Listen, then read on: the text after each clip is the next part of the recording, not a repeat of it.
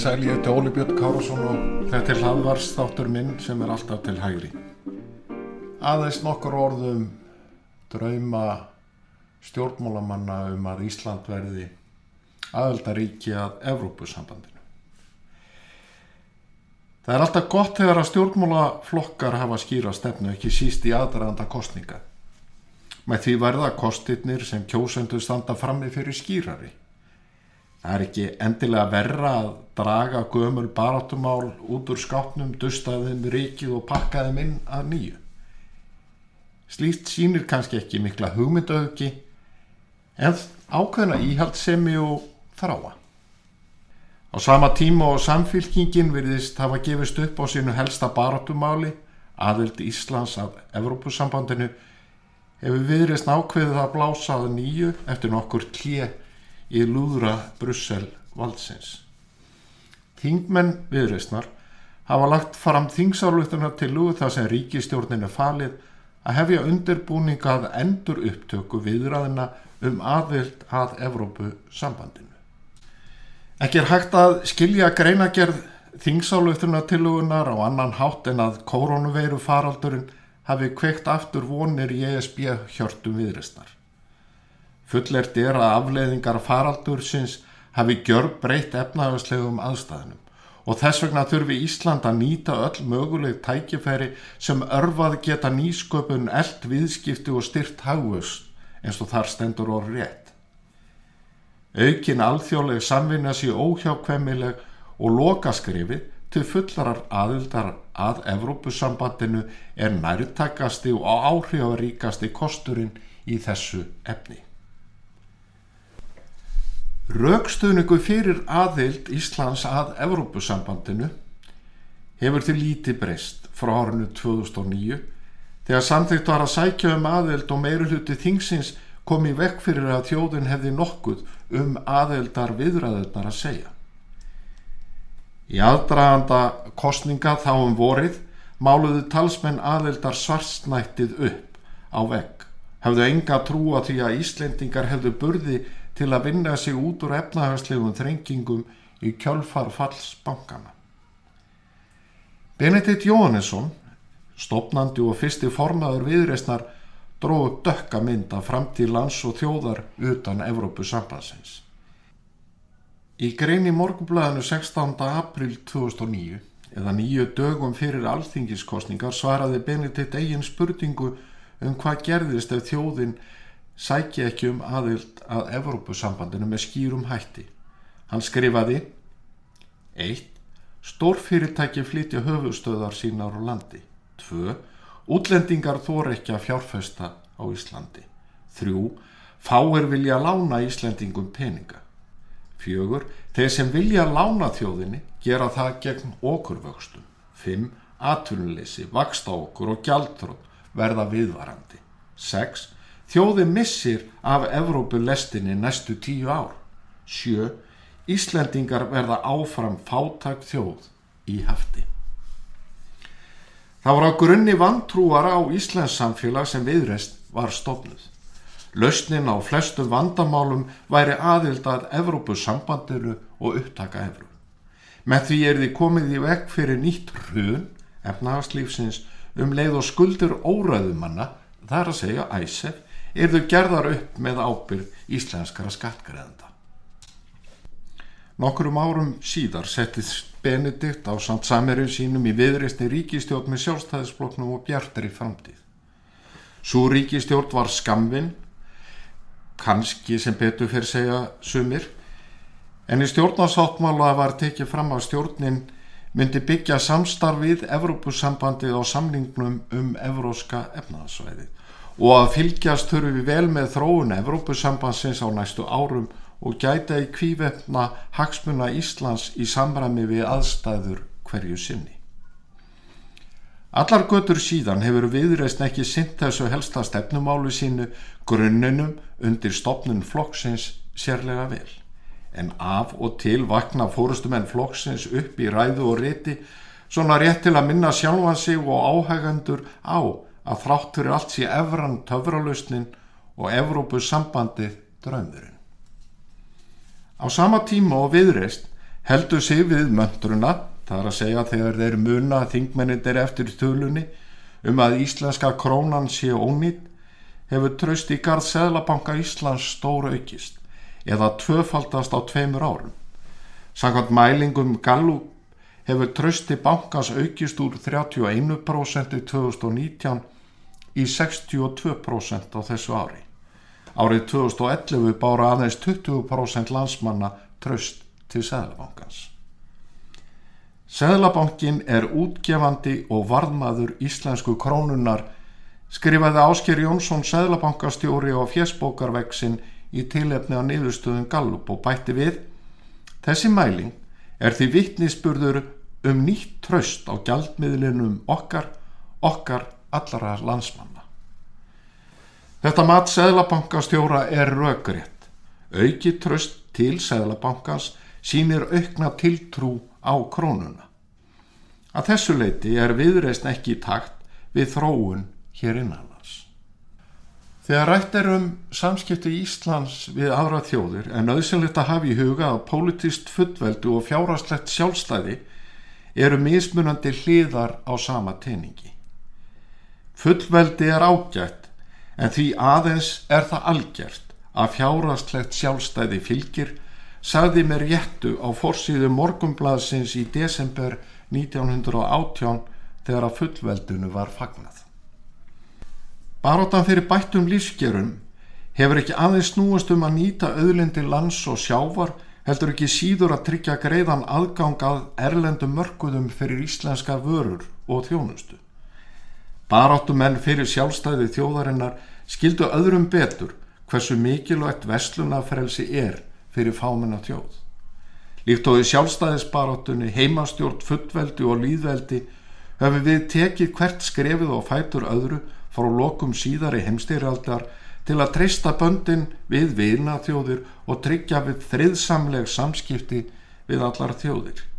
Í samskiptum við aðra þjóðir höfum við nýtt fullveldisrétt okkar til að byggja undir efnahagslega velmengun og pólitist sjálfstæði.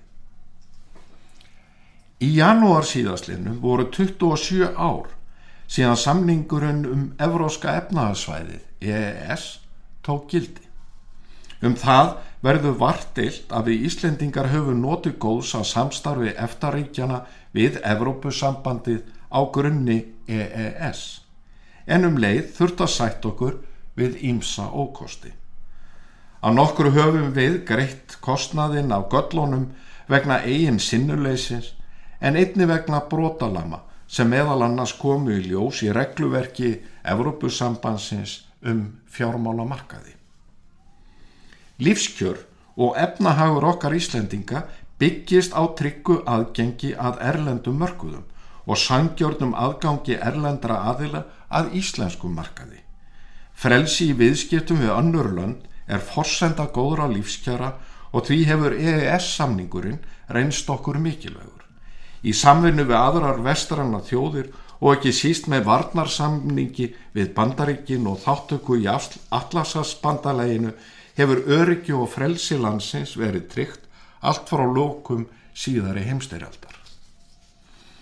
Kenninginum að Íslendingar hafi ekkert um efni EES lagasetningar að segja er hins vegar raung en hefur verið hluti af möndru sem baráttum en ESB aðildar kyrja stöðut. Þegar EES lög er í mótun hafa Íslendingar samarétt og allir aðrir sem undir lögin eru settir til að koma sjónamiðum sínum og sér óskum á framfæri sé það gert á tímabæran hátt Með góðum rökum og markvissum málflutningi skilar það líka árangri. Sér ekkert gert næst engin árangur á þessu sviði frekar en öðrum. Formaður sjálfstæðisflokksins, Bjarni Bendiðsson, hefur aldrei farið í gravgötur með að alþingi og stjórnvöld gefi EES samstarfinu ekki næjanlega aðtikli. Að nokkuru erum við að súpa segðið af þeirri ofurtrú sem eitraði íslenska auðarikistefnu og leti til stöðnunar ofurtrú á að lausn allara vandamála okkar fælist í aðild að Evrópusambandinu. Í stað þess að móta stefnu í auðarikisviðskiptum sem hefði það markmiði að fjölga kostónum í samskiptu við aðra þjóðir var skipuluð að reynda að fækka þeim. Stóra lausnin átt að vera Evra og Evrópusambandið. Á þessu hefur orðið gjör breyting í tíð núvarendi auðarikisar á þeirra Guðlaugs Þórðarssonar. Björn Bjarnarsson, fyrverandi ráþöra, er á því að vandi eftaríkjana í samskiptum við Evrópusambandið sé tregða af halvu stjórnenda þessar ríkja, þar að segja eftaríkjana, til að láta reyna á sérstöðu þeirra á grunni EES. Í februar 2018 skrifaði Björn meðal annars á heimasíðu sína. Á meðan ESB aðildarbröldi var stundað af halvu íslenskara stjórnvalda hlóðust upp óafgreitt EES-mál innan stjórnkerfisins. Í raun hefur aldrei tekist að hrinda nægilega vel í framkvæmt sjálfstæður í stefnu íslenskara stjórnvalda í samskiptum við ESB á grundvelli EES samningsins. En Þingsalvöktuna tillega viðreistnar er fagnadarefni þar sem hún ætti að gera línutnar örlíti skýrari í aðdraganda kostninga og sjálfsagt neyðist samfylkingin að grafa ESB stefnuna upp úr reikvöllum skúfum þó það kunni að vera erfitt fyrir einhverja frambjóðundur flokksins sem í fyrra pólitíska lífi börðust gegn aðild að Evrópu sambandinu. Tillega viðreistnar kom til umræði og að þingi 19. april síðasliðin. Guðlugur Þór Þórðarsson, auðaríkissar á þeirra, fagnaði tilugunni og því tækifæri sem hún gæfi til að ræða hugsanlega aðild Íslands að Evrópusambandinu og hvaða afleðingar hún hefði. Hann sagði meðal annars. Það virðist vera að annarkvort vil hátturdu þingmaður, fyrsti fluttismadur, ekki svara þeirri spurningu sem ég er búin að spyrja hátturðu þingmann á tvísvar hvort að það vefjist ekkert fyrir hátturðu þingmanni að við afnemum viðskiptafrelsið. Og það hátturðu þingmann vilji ekki svara því. Annarkvort er það eða það er bara þannig að umræðar í þingflokki og flokki hátturðu þingmanns er svo lítil um Evrópussambandi að menn viti það ekki ef við göngum í Evrópussambandi að þá afnemum við viðskiptafrelsið við göngum í tollabandalag. Alveg eins og þegar breyta gengur út úr Evrópusambandinu þá fengu þeir frelsi til þess að semja við aðra þjóðir. Þeir höfðu þeir, það frelsi ekki áður. Þeir hefur ekki gert það í ára tí eða frá því gengur í Evrópusambandinu taland um alþjóðastofnani þeir voru ekkert við borðið í alþjóða viðskiptastofnani breytar þeir voru í Evrópusambandinu. Þeir voru ekki þar. Við erum þar. Af því að háttvirtur þingmaður segja þessi svo mikilvægt að vera í fjölþjóðasamstarfi aðildarríki Evrópusambands er ekki þar. Ef við gengum í Evrópusambandi þá erum við ekki lengur með sæti við borðið hjá alþjóða viðskiptastofnunni vegna að við erum ekki með viðskiptafrelsi það er samið fyrir hönd ríkja Evrópusambands af embætismönnum í Brussel það er alveg ljóst hver er munurinn á viðskiptastefnu Íslands og Evrópusambandsins. Við erum um 90% tollfrelsi á tollalínunum okkar meðan það er 27% í Evrópusambandinu. Það þýðir það að ef við gungum inn þá hækkar hækkar tollar á þessum tollalínum sem núna er tollfrelsi á hjá okkur en ekki í Evrópusambandinu. Utanriksráþara var greinilega í miklu stuði í þessum umræðum og hann bætti við. Og ég held að vera ótrúlega skynsalegt af háttvörstu þingmönnum sem að í alvöru fara hér fram og koma fram með tillur um að við Íslendingar afnömmum viðskiptafrels okkar. að þeir myndu kynna sér þessi mál. Hvort flokkar og frambjóndur sem eru fastir í viðjum vantrúar á flesta sem Íslandst er, heilli kjósendur í komandi kostningum á eftir að koma í ljós. Í utaríkisviðskiptum er stefna sjálfstæðisflokksins að fjölga kostunum í samskiptum við aðra þjóðir en ekki fækka þeim líkt og henni vantrúuðu í viðreistn og samfylkingu telja rétt að gera. Frjálst, opið og þrótt mikið samfélag verður hins vegar ekki tryggt í gegnum Brussel. Ég þakka þeim sem hlýttu